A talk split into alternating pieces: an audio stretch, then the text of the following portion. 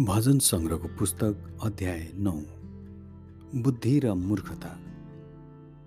बुद्धिले आफ्नो घर बनाएको छ। त्यसले आफ्नो सात खाँबा गाडेको छ। त्यसले आफ्नो पशु मारेको छ। दागमध्येमा मसला मिसाएको छ। त्यसले आफ्नो टेबल पनि तयार पारेको छ। त्यसले आफ्ना दासीलाई पठाएको छ। र सहरका अग्ला ठाउँहरूबाट बोलाउँछ। ए सबै निर्बुद्धिहरू भित्र आऊ भन्दै ती समझ नभएकाहरूलाई त्यसले भन्छ आओ मसँग खाओ र मैले मसला मिसाएको दाखमध्ये पियो। आफ्ना अज्ञानी चालहरू छोडिदेऊ र तिमी बाँच्नेछौ समझ शक्तिको मार्गमा हिँड जसले गिल्ला गर्ने व्यक्तिलाई सुधार्छ। त्यसले अपमान निम्नाउँछ जसले दुष्ट मानिसलाई हप्काउँछ त्यसले दुर्व्यवहार बेहोर्नुपर्छ। गिल्ला गर्नेलाई नहप्का।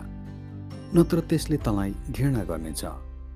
बुद्धिमान मानिसलाई हप्का र त्यसले तँलाई प्रेम गर्नेछ।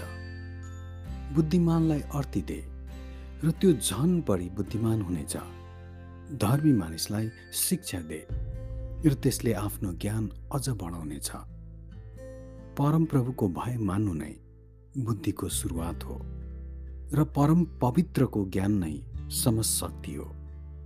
किनभने मद्वारा नै तेरो जीवनका दिनहरू धेरै हुनेछन् अनि त दीर्घायु हुनेछस्। त बुद्धिमान भइस् भने तेरो बुद्धिले नै तँलाई इनाम ल्याउनेछ। त गिल्ला गर्ने व्यक्ति भइस् भने तैँले मात्र नोक्सान बेहोर्नु पर्नेछ। मूर्खता भनिने स्त्री चर्की हुन्छ त्यो अनुशासनहीन र अज्ञानी हुन्छ। त्यो आफ्नो घरको ढोकामा सहरको सबैभन्दा अग्ला ठाउँहरूमा भएको आसनमा बस्छे त्यसको नजिकैबाट सरासर आफ्नो बाटो हिँडिरहेकाहरूलाई त्यसले बोलाउँछे ती समझ नभएकाहरूलाई त्यसले भन्छे सबै अज्ञानी जति यता आउन् चोरीको पानी मिठो हुन्छ गुप्तकामा खाएको रोटी स्वादिष्ट हुन्छ।